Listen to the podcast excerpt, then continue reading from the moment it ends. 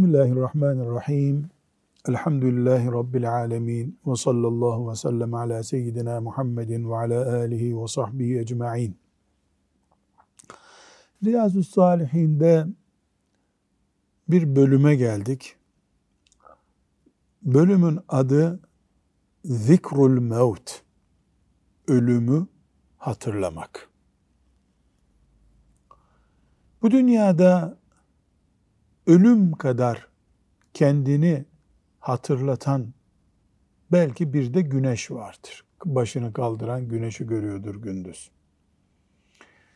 Toprağın altındaki yaşamış insanlar şimdi ölü.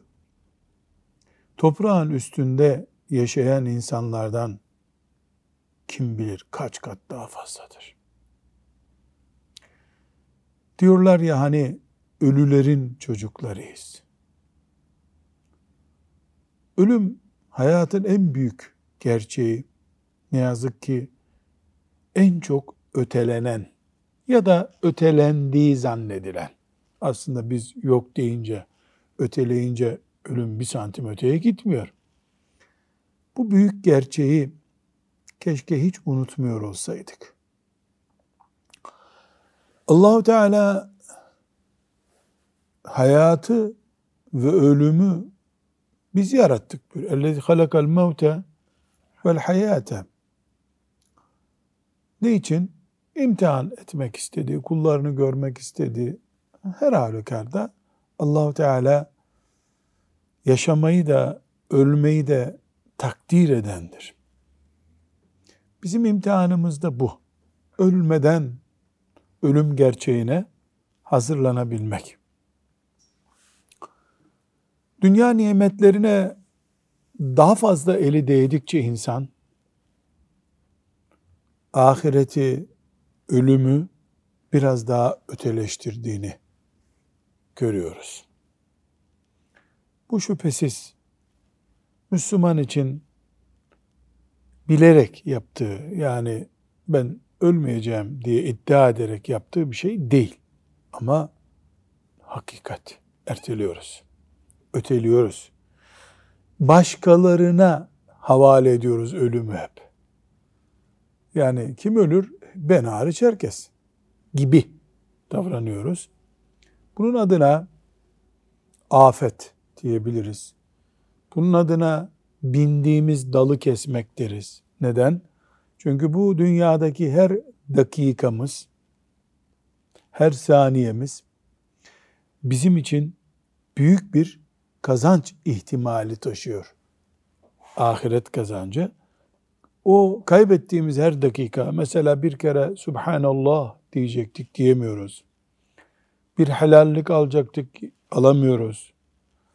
Bir namaz kılacaktık kılamıyoruz. Sadaka verecektik veremiyoruz gibi kaybettiğimiz her şey kıyamet günü esef edeceğimiz sıkıntıya dönüşecek.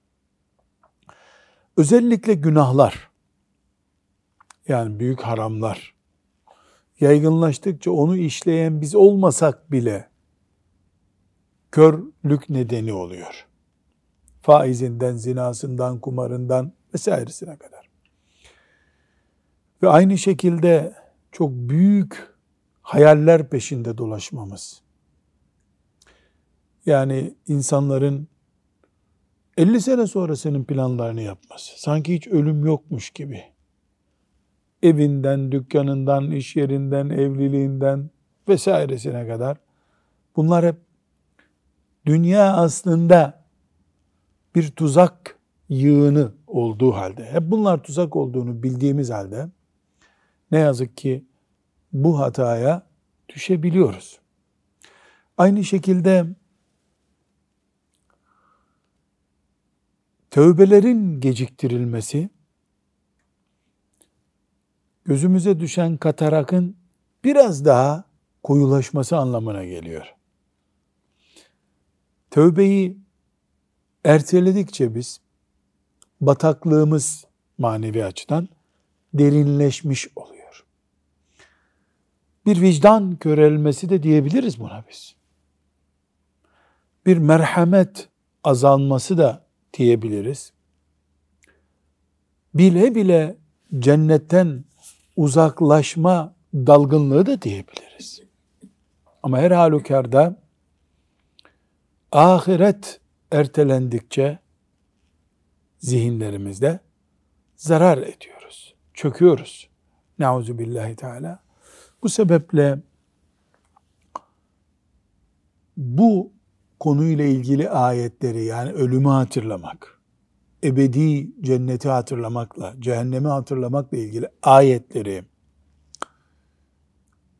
ve hadisi şerifleri sık sık okumak lazım.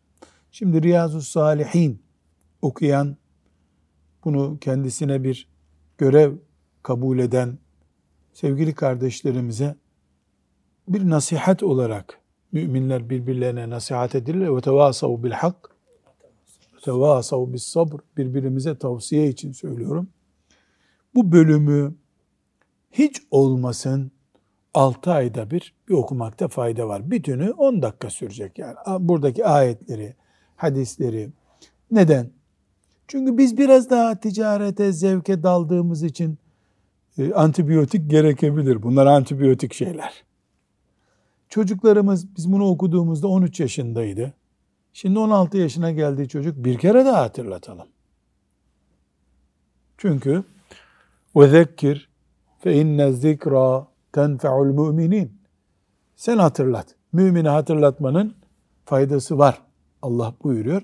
Elhamdülillah müminiz. Elhamdülillah Rabbimizin cennetini istiyoruz. Cehenneminden korkuyoruz. Ölüm haktır. Kaç kişi gömdük. Dolayısıyla inkar edecek bir hal yok.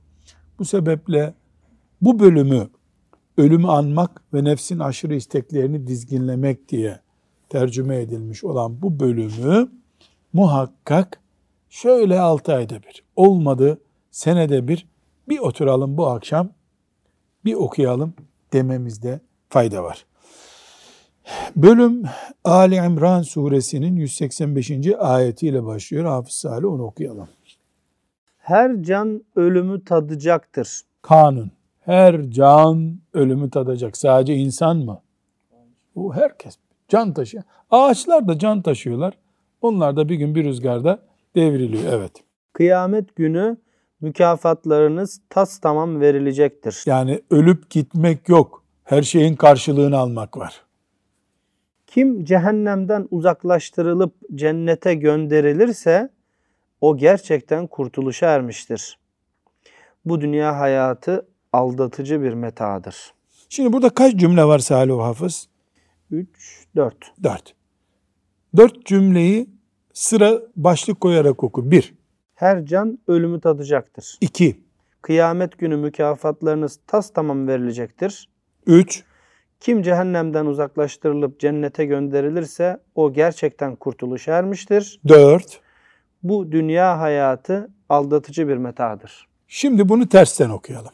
Ters dördüncü şey, para satırı oku. Bu dünya hayatı aldatıcı bir metadır. Bu dünya hayatı aldatıcı bir meta. Meta eşya demek. Dünya aldatıyor. Ebedilik süsü veriyor, ebedi değil. İki, kim cehennemden uzaklaştırılıp cennete gönderilirse o gerçekten kurtuluşa ermiştir. Aldanmayan odur. Aldanmayan kimdir? Cennete varan. Üçüncü yoku. Kıyamet günü mükafatlarınız tas tamam verilecektir. Eğer aldanmadıysan ve her canlı ölümü tadacak. Her canlı ölümü tadacaktır. Dolayısıyla muhakkak var bunlar. Bu ayeti celile hayat parolası değil mi? Mesela ev satın aldık. Ve men zuhsiha anin nari ve udhilel cennete. Ev satın aldın bitmiyor ki. Memur oldun bitmiyor ki. Evlendin bitmiyor ki. Tatile gittin bitmiyor ki. Emekli oldun bitiyor mu? Yok. Ve men zuhsiha anin nari ve udhilel cennete. Ateşten kurtulup cennete giren kurtuluyor. Bu ayeti celile e, aklı olana, ahirete iman edene yetecek bir enerji taşıyor. Evet, Lokman suresinin 34. ayetini okuyalım. Hiç kimse yarın ne kazanacağını bilemez. Hiç kimse nerede öleceğini bilemez. E ne yapmak lazım o zaman? Madem yarın ne olacak bilmiyorsun. Ölüm nerede bilmiyorsun. O zaman hep hazır olmak lazım. Evet Nehl suresinin 61. ayeti. Ecelleri gelince ne bir saat geri kalabilirler ne bir saat ileri gidebilirler. Ecel vaktinde. Peki bir dakika. Tam ölecekti doktorların müdahalesiyle kurtuldu. Demek ki eceli gelmemiş. Yani ölecekti sen diyorsun. Mesela Hasan Hoca ile biz daha iyi anlarız. Biz İstanbul'a geldiğimizde bir komşumuz vardı 1964'te. Yaklaşık 10 sene biz evde uyuyamazdık o adamın bağırmalarından dolayı. Yani müzmin yatak hastasıydı. Sabahlara kadar bağırırdı. Bir yaklaşık yani 70'li yılların sonuna doğru vefat etti. Allah mağfiret etsin. Şimdi öyle olmuyor. Doktorlar iyi etti deniyor ama ölmedi o adam. Böyle eskiden yatalaklık vardı. Hasta 5 sene 6 sene yatardı. Ev halkı illallah ederdi. Yani bıkarlardı, usanırlardı. O usanırdı hayattan. Sırtı yara olurdu. Tıp, bugün Avrupa tıbbında da söyleniyor bu zaten. Tıp e, hayatı daha müreffeh yapıyor. Ölümü kolaylaştırıyor, zamanı uzatamıyor. Zamanı uzatma tıbbın henüz becerdiği bir şey değil. La estehirune saaten ve la yestekdimun. Hiçbir zamanda beceremeyecek. Allah böyle yazmış idi zaten. Bu mübarek ayet bunu söylüyor. Münafikun suresinin 9-11. ayetlerini Ey iman edenler! Mallarınız ve çocuklarınız sizi Allah'ı anmaktan alıkoymasın. Ya çünkü meta'ul gurur değil mi? Dünya bir tuzak. Bu tuzağın en çok bölümü de neresi? Mal ve çocuk. Kim bunu yaparsa işte onlar ziyana uğrayanlar. Yani mala ve çocuğa aldanır Allah'ı bırakarsan. Herhangi birinize ölüm gelip de Rabbim ne olur ölümümü biraz geciktirsen de sadaka verip iyilik edenlerden olsam demeden önce size verdiğimiz rızıktan harcayın. Yani özellikle mal konusuna dikkat edin. Harcarken bir gün keşke bu harcamalarımın faturası geldi şimdi düzelseydim diyeceğin bir an olacak. O andan önce aklını başına al. Allah eceli gelen bir kimseyi geri bırakmaz. Allah bütün yaptıklarınızdan Yani kararı verdi. Kimin nerede ne zaman öleceğini Allah biliyor. Dolayısıyla aklını başına al dünyada kullan. Müminin suresinin 99 ve 115. ayetleri büyük bir cuma hutbesi gibi onları dinleyelim. Nihayet o müşriklerden birine ölüm gelip çatınca Rabbim der. Hani müşrikler Allah demiyorlardı? Ölüm gelince herkes Müslüman. Herkes Müslüman ama faydası yok. Ne olur beni dünyaya geri dön- gönder. Ömrümü boşa geçirdiğim dünyada iyi işler yapayım. Hayır, hayır. Onun bu söyledikleri boş laftan ibarettir. Tekrar dirilecekleri güne kadar onların önlerinde bir engel vardır, geri dönemezler. Yani öldükten sonra geri gelip aklını başına almak yok. Sura üflendiği zaman artık aralarında soy sop ilişkisi kalmaz. Birbirlerinin halini de sormazlar.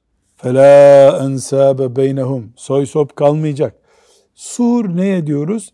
Bu işle ilgili görevli bir melek bir üfürme yapacak. Bu üfürmeyle dünyanın her şeyi helak olacak. Sur diyoruz. Buna iman ediyoruz. Elhamdülillah. Kimin yaptığı iyilikler ağır basarsa işte onlar kurtuluşa erenlerdir. Çünkü bir tartı var. İyilik de tartılacak, kötülük de tartılacak. İyiliği ağır basan kurtuldu. Kimin yaptıkları da hafif gelirse işte Yani onlar, kötülüğü kötülüğü fazla gelirse işte onlar zarara uğrayanlardır. Onlar cehennemde devamlı kalacaklardır. Nauzu billahi teala. Bunların yüzlerini ateş yalar da dişleri sırıtır kalır. Allah Teala onlara benim ayetlerim size okunurdu da siz onları yalanlardınız değil mi der. Derler ki Rabbimiz azgınlığımız bizleri alt etti. Biz sapıklık içinde kalmış bir kavim olduk. Rabbimiz ne olur bizi buradan çıkar. Eğer tekrar önceki halimize dönersek kendimize zulmetmiş oluruz. Yani çıkar bak ne kadar akıllı olacağız. Allah Teala şöyle buyurur. Alçaldıkça alçalın orada. Bana artık bir şey söylemeyin. Çünkü kullarımdan bir grup insan Rabbimiz biz iman ettik bizi bağışla. Bağışlayanların en iyisi sensin demişlerdi. Fakat siz onlarla eğlenir, beni anmayı unutarak onlara gülerdiniz. Yani müminlerle gariban diye alay ediyordunuz. Sabrettikleri için bugün ben onları mükafatlandırdım. Onlar muratlarına erenlerdir. Sizin alay ettikleriniz cennette siz burada kaynıyorsunuz. Allah Teala inkarcılara yeryüzünde kaç yıl kaldınız diye sorar. Bir gün veya daha az bir zaman kaldık. Sayanlara sor derler. Allah Teala da onlara şöyle buyurur. Pek az kaldınız. Keşke bunu bilseydiniz dünyaya tapmazdınız. Sizi boşuna yarattığımızı, bize dönmeyeceğinizi mi sandınız? Şimdi ne olacak? Adam 100 sene yaşadıysa bile kıyameti bir gün, kıyameti görünce bir gün kadar kalmıştık diyecek. Yani birden dünya hayatı silinip gidecek. Hiç olduğu anlaşılacak. Müminler ama bunu şimdiden böyle bildikleri için bir dertleri yok. Hadid suresinin 16. ayeti. Müminlerin Allah'ı anmaktan ve Allah tarafından gönderilen gerçeği hatırlamaktan dolayı kalplerinin yumuşama zamanı gelmedi mi? Ya bir demek ki bir kalp yumuşaması diye bir şey var. Kalp yumuşaması. Bunu altı çizilmeli kalp yumuşaması. Yani dünyada olaylar olup bitiyor, insanlar ölüyor, senin akrabaların ölüyor, gidiyor. İki gün sonra hiçbir şey olmamış gibi hayat devam ediyor. Çocuklar ölüyor, e, kış oluyor, yaz oluyor, fakirler oluyor, zenginler oluyor. Milyonlarca olay var dünyada. Mümin taşlaşmış çelik bir kalple yaşıyorsa Allah Teala ne elem ye'ni lillezine amenu en takşa'a kulubuhum. Ya bir müminin kalbi biraz yumuşamalı.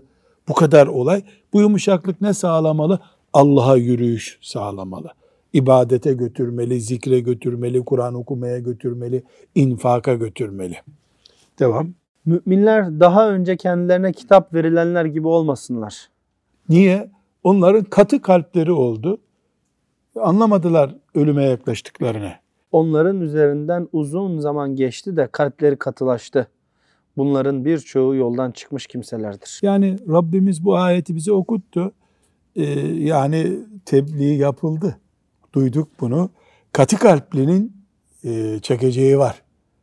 Çekeceği var katı kalpli. Bu sebeple evlerde bu ayetler bir kere daha hatırlatmış oldu ki yani ölümü unutmak bir hastalık çeşidi. Bu hastalığa karşı tedbir almak lazım. Kalp katılığı diye de bir sorun var. Allah rahmet eylesin. Nebevi bu ayetleri çok güzel seçmiş burada. Yani ölümle ilgili hakikatları çok böyle veciz bir şekilde özetlemiş. 575. hadisi şerifi daha önce 472. hadis olarak okuyup şerhine bakmıştık orada. Şimdi teberruken bir kere daha okuyalım. Pek muhteşem bir hadisi şerif. Ölümü yine güne, gündeme getirdiği için 472. hadiste uzunca açıklaması var. İbn Ömer radıyallahu anhuma şöyle dedi. Resulullah sallallahu aleyhi Sallallahu ve sellem aleyhi sellem. omzumu tutarak şöyle buyurdu. Dünyada tıpkı bir garip hatta bir yolcu gibi davran. Garip ne demek? Hani bu adam bu köyde garip, yabancı. Evi yok, barkı yok gibi demek. Dünyada böyle ol. İbn Ömer radıyallahu anhuma şöyle derdi. Akşamı ettiğinde sabahı bekleme, sabaha çıktığında akşamı bekleme. O kadar kısa ki dünya. 12 saatten fazla durmazsın gibi düşün. Sağlıklı günlerinde hastalanacağın vakit için hayatın boyunca da öleceğin zaman için Bu tedbir al. söz hepimiz için geçerli. Şimdi biz yaşlandık, e, belli hastalık işaretleri çıktı. Ve huz min sıhhatike li maradikeyi şimdi anladım ben. Yani e, ne anladım?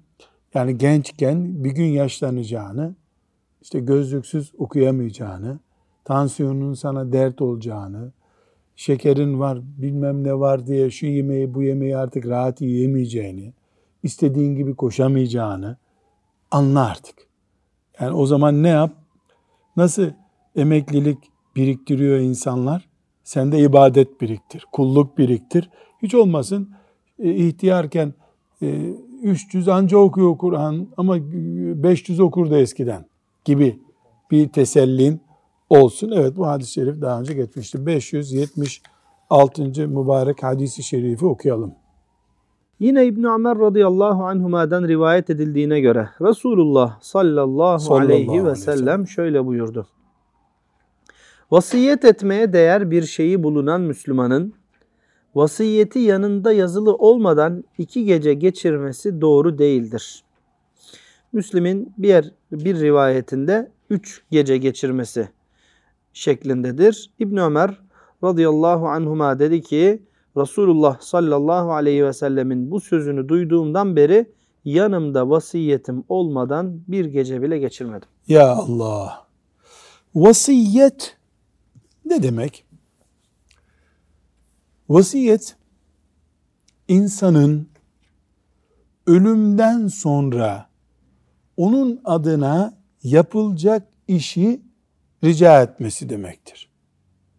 Bu bir kağıda yazarak olabilir. İmza atar. Bugün modern dünyada noterden yapılabilir. Öyle yapılmasını tavsiye ederiz. İnsan gitmeli notere. Noter bile onu okumuyor aslında. Okuma yani kanunen bunu imzala diyor. Ondan sonra gidiyor işte tapuka dairesinde vesairede e, şerh koydurtturuyor. Benim filan evrak noterde evrakım var. Hatta zanla söylüyorum bir iki vakıf meselesinde şahit olmuştum. Noterler o adamın ölümünü takip edip vasiyeti mahkemeye bildiriyorlar. Böyle bir kural tam bilmiyorum hukuk sürecini ama böyle bir şey bu, bu mevcut kanunlarda var. Yani diyorsun ki benim vasiyetim ben gömülünce açılacak diyorsun. Noter onu e, işte nüfus idaresinden senin ölümün haberin notere bildirilince noter götürüyor, açıklıyor bunu. Böyle bir şey var. Bir e, Kur'an kursu yapılmak için bir adam bir vasiyet yapmıştı da o vasiyet sonra hukuki bir problem oldu. Oradan hatırlıyorum. E, tam bilmiyorum ama noterden vasiyet, ciddi vasiyetler noterden yapılmalı. Sünnet bu çünkü. Bir Müslümanın vasiyetini hazır tutması neyi gösteriyor? Ölüm gerçeğini ciddi bir şekilde kafasında tuttuğunu gösteriyor. Evet, alimlerin büyük bölümüne göre farz değil vasiyet. Yani yapmasan haram işlemiş olmuyorsun. Ama mühim bir sünnet. Bak İbn Ömer radıyallahu anh'a sahabi hiçbir gece yatmamış bu sözü duyduktan sonra vasiyeti hep yastığının altında deriz ya yastığının altında tutmuş vasiyetini. Sahabi sünnet düşkünü çünkü. Hele İbn Ömer. Ee, sözlü de vasiyet olabilir. Yani noteri tavsiye ediyor ama iki tane şahit tutup ben şöyle şöyle vasiyet ediyorum haberiniz olsun deyip olabilir. Bu vasiyet özellikle yanında emanet bulunan mesela işte sen bana şu kadar para bıraktın sen de kalsın biz bunu harcayam, harcarız filan diye. E ben ölünce birdenbire bu ne olur? Ee, senin paran olduğu bilinmeden benim çocuklarıma kalır. O zaman çocuklar benim yanımda filancanın filan zarfın içinde parası var o benim değil haberiniz olsun ben ölürsem onu götürüp o zata verin demek lazım. Özellikle böyle emanet olanlar. Bir sır bilenler mesela e, bazı köylerde özellikle olur. Filancanın filanca tarlası sınırını sen şahidisin olayın. E sen ölünce bu karışacak. İnsan vasiyet etmeli. Bu olayın şahidi benim haberiniz olsun demeli. Bunlar çok önemli. insanlık gerektiren şeyler. Peki burada e, bir hata ne var? Hata şu var. Biz vasiyeti ya da yani bugün yanlış uygulanan biz vasiyeti hastalara mahsus bir iş zannediyor. Adam yolcu vasiyet yapsın. İbn Ömer 20 yaşındayken yapmış bu vasiyetini. Radıyallahu anhuma. Yani bu hastanın işi değil. Ahiret derdi olanın işi bu. Ölüm başıma dert olur diye düşünenin işi bu. Bu sebeple e, biz vasiyeti günlük bir iş olarak göreceğiz. Peki ne vasiyet edeceğiz? Bir kere emanetler ve benzeri şahitlikler varsa onu vasiyet edeceğiz.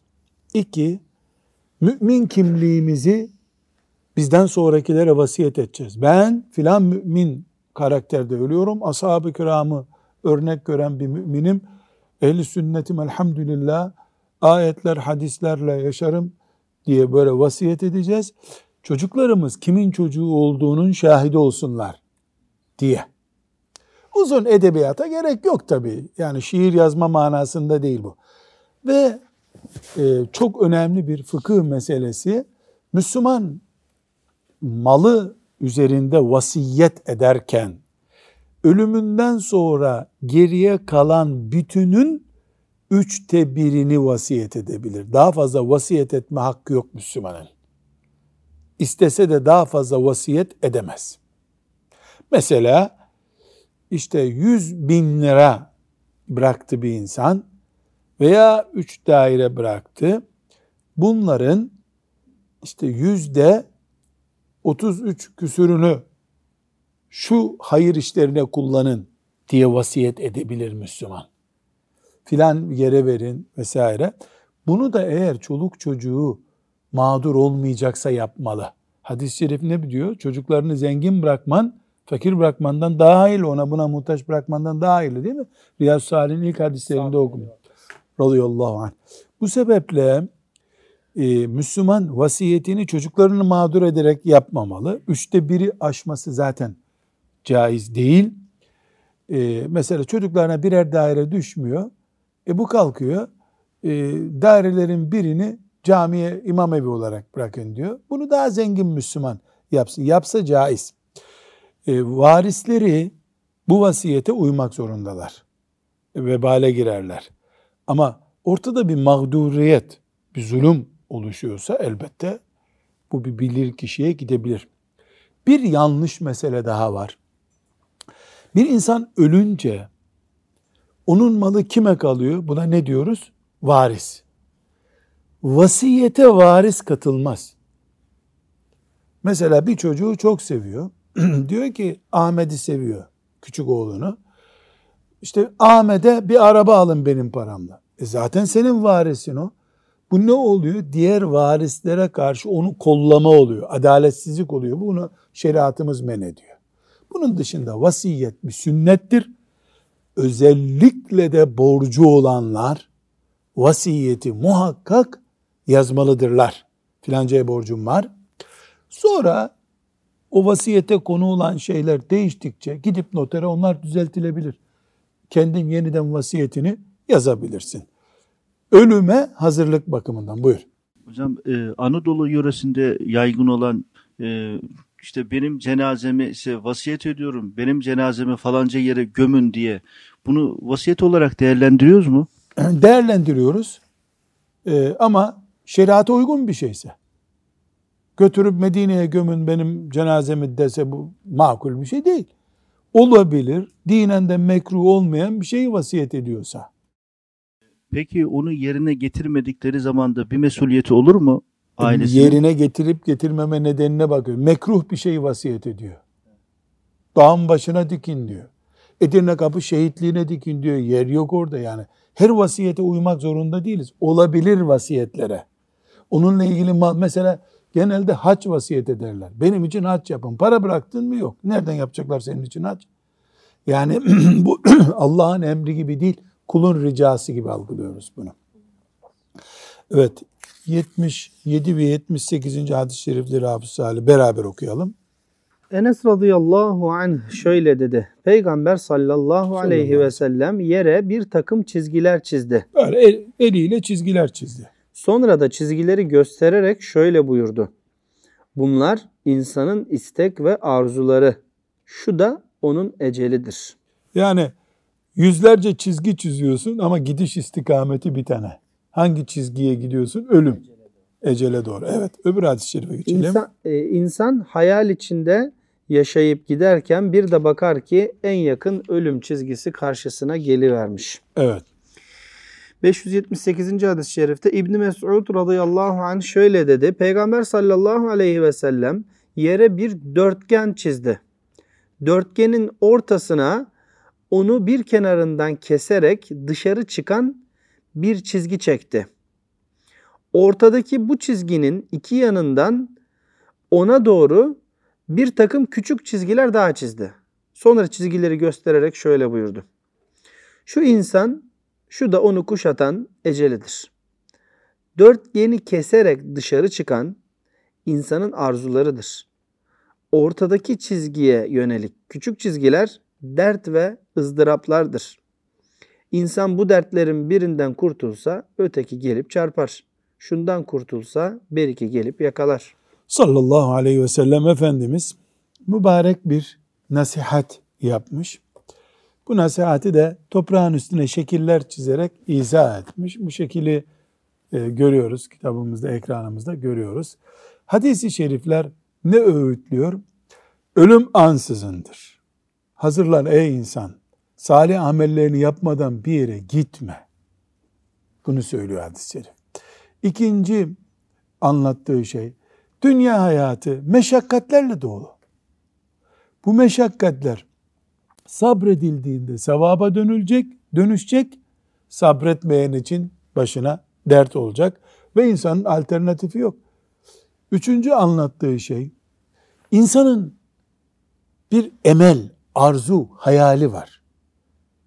Bu hayallerin hiç sınırı yok. 3, 5, 10 milyon durmuyor insanoğlu. İnsanın arzusu hızlı bir şekilde büyüyor. Yani yaşlandıkça artıyor. Ama Müslüman insan önünde bir ecel olduğunu, sınırsız hayalleri gerçekleştiremeden bu dünyadan gideceğini bilen insandır ve işlediği günahlar için tövbeye yapışır. Yapmadığı işler için, görevler için hemen salih amel yapar. Bu da bir çeşit tövbe zaten. Dolayısıyla dünyada sınırsız bulunacakmış gibi anlayış Müslümandan ayrılmış olur. Dünyayı ihmal edip savsaklamak, aç gezmek, çıplak gezmek değil hedefimiz. Ama ebedi kalacakmış gibi de olmamak, akıllılık. Evet, bir sonraki hadisi şerife geçebilir. 579. hadisi şerif. Ebu Hureyre radıyallahu anh'ten rivayet edildiğine göre Resulullah sallallahu aleyhi ve sellem şöyle buyurdu. Yedi şey gelip çatmadan iyi işler yapmaya bakın. Yedi şey her insanın ve hayatın muhakkak olacağı. Bunlar gelmeden aklını başına al. Bir. Yoksa siz insana görevlerini unutturan fakirlikten, Fakirlik. azdıran zenginlikten, iki Zenginlik. halsiz bırakan hastalıktan, Üç. Hastalık. Bunaklaştıran ihtiyarlıktan, ihtiyarlık. Dört. ansızın yakalayan ölümden, Beş. gelmesi beklenen şeylerin en fenası Deccal'den, Deccal. Kıyametten önce çıkacak olan bela. belası daha büyük ve daha acı olan kıyametten başka bir ve şey kıyamet. yok. Bu yedi şey insanın gözünde kesinlikle var olmalı. Bunları unuttuğunda aslında sen varlık gayeni unuttuğunu unutmuş olursun. Evet. Bu hadisi şerif ola ki bir kere ciddi bir şekilde düşünsek biiznillahü teala kurtarma, kurtulma vesilemiz olur. Bir sonraki hadis-i şerife geçelim. Yine Ebu Hureyre radıyallahu anh'ten rivayet edildiğine göre Resulullah sallallahu aleyhi ve sellem şöyle buyurdu. Zevkleri bıçak gibi keseni yani ölümü çok hatırlayın. Zevkleri bıçak gibi kesen ölümü unutmayın, hatırlayın. Peki bu şöyle demek mi? Elimize tesbih alıyoruz. Ölüm, ölüm, ölüm, ölüm diye her gün yüz defa söylüyoruz. Bu mu? Yok canım. Ölüme hazırlık insanın son nefesini nasıl vereceğine dair düşüncesini canlı tutması demek. Bunun için namazı düşünmek. Her namazı son namaz gibi düşünmek. Mesela Ramazan-ı Şerif gelecek. Ramazan-ı Şerif benim son Ramazanım olabilir. Hatta bu Ramazan'ı da bitirmeyebilirim. Nasip olmayabilir. Dediğin zaman ölümü hatırlıyorsun sen demektir. Yani bankaya faiz için, kredi için girdiğinde ya buradan çıkarken ölsem ben ne yaparım? Düşündüğün zaman anam baban seninle ilgili bir keder taşıyorsa anamın ahıyla ölürsem ne yaparım ben? Düşündüğün zaman haram bir işe bulaştığında ya ecel beni burada bulursa tehdidini hatırladığın zaman ölümü hatırlıyorsun demektir. Aksi takdirde her istediği yaramazlığı yapan sonra annesinden özür dileyen çocuğa benzemiş oluruz. Evet. Bir sonraki hadis-i şerife mübarek hadis-i şerife geçelim. Ubey ibn Ka'b radıyallahu anh şöyle dedi. Gecenin üçte biri geçince Resulullah Sallallahu aleyhi ve sallallahu sellem. aleyhi ve sellem uyanıp kalktı ve şöyle buyurdu. İnsanlar Allah'ı zikredin. Yeri yerinden oynatan birinci su üflenecek. Arkasından ikincisi gelecek. Ölüm bütün şiddetiyle gelip çatacak. Ölüm bütün şiddetiyle gelip çatacak. Übey diyor ki Peygamber aleyhisselama ya Sallallahu Resulallah ben sana çok salavat-ı şerife getiriyorum. Acaba bunu ne kadar yapmam gerekir diye sordum. Dilediğin kadar buyurdu. Dualarımın Neyi dilediğin kadar? salavat. Allahümme salli ala Muhammedin ve ala ali Muhammed diyorum ben. Kaç defa söylemem lazım diyor. Dilediğin kadar. Arzun kadar. Dualarımın dörtte birini salavat-ı şerifeye ayırsam uygun olur mu diye sordum. Dilediğin kadarını ayır. Ama daha fazla zaman ayırırsan senin için iyi olur. Ya ne kadar salavat o kadar şefaat. Öyleyse duamın yarısını salavat-ı şerifeye ayırayım dedim. Dilediğin kadar yap ama daha fazla zaman ayırırsan senin için hayırlı olur buyurdu. Allahümme salli ala Muhammedin ve ala ali Muhammed. Ben yine şu halde üçte ikisi yeter mi diye sordum. İstediğin kadar ama artırırsan senin için hayırlı olur buyurdu. Allahümme salli ala Muhammedin ve ala Muhammed. Öyleyse duaya ayırdığım zamanın hepsinde sana salavat-ı şerife getirsem nasıl olur deyince o takdirde Allah bütün sıkıntılarını giderir ve günahlarını bağışlar buyurdu. O takdirde Allah bütün sıkıntılarını giderir ve günahlarını bağışlar. Ne zaman bu? Hep seni anarsam. Allahümme salli ala Muhammedin ve ala ali Muhammed dersem. Sabah, akşam, öğlen, ikindi, abdestli, abdestsiz her zaman salavat-ı şerife. Bu hadisi şerifi Nevevi rahmetullahi aleyh nerede zikrediyor? Hangi konuda? Ölümü hatırlatma konusunda. Efendimiz sallallahu aleyhi ve sellem e, yani görüyor ki e, ümmetine ölüm gerçeğini hatırlatmayı bir görev bilmiş. Kalkıyor gece yarısı Allah'ı zikrediyor. Bu zikir peygamber için böyle, ona iman edenler için de böyle. Binaenaleyh bu ümmeti Muhammed'in en önemli e, vazifelerinden biri zikir üzere yaşamak. Zikir nedir? Allah demek, Peygamber aleyhissalatü vesselam'a salavat getirmek, Kur'an okumak, Kur'an okumak da bir zikir. Burada e, bu hadis-i şerifin şerhlerinde şöyle bir not düşülüyor. Yani Efendimiz sallallahu aleyhi ve sellem bir sahabeyi karşısına alıyor. Ümmetinin gafil olduğu bir nokta var. Nedir o? Ee, ölümü unutuyor insanlar. Efendimiz sallallahu aleyhi ve sellem bunu hatırlatıyor. Hoca, hoca, öğretmen, müezzin, baba, anne, bir başkasına din öğrettiğini düşünen herkes, ölümü hatırlatmak diye bir görevi olduğunu da bilmeli. Biz sadece kitaptaki müfredatı bitirip, ah iyi öğretmenlik yaptık, camideki hutbeyi okuduk, iyi okuduk şeklinde görevimizden e, sıyrılamayız. Elbette bunun bir çeki düzeni var yani. Ey insanlar ölümü hatırlatıyorum, ölümü hatırlatıyorum şeklinde bir slogan olarak ya camiye bir pano yazarak unutma ölümü. Zaten o üç gün sonra ne olur? E, gözlerde e, demode olur. Ama mesela gece namazını ders olarak anlatırken bir gün bu dünyada olmayacağız. O zaman o gece namazı işimize yarayacak gibi mesela.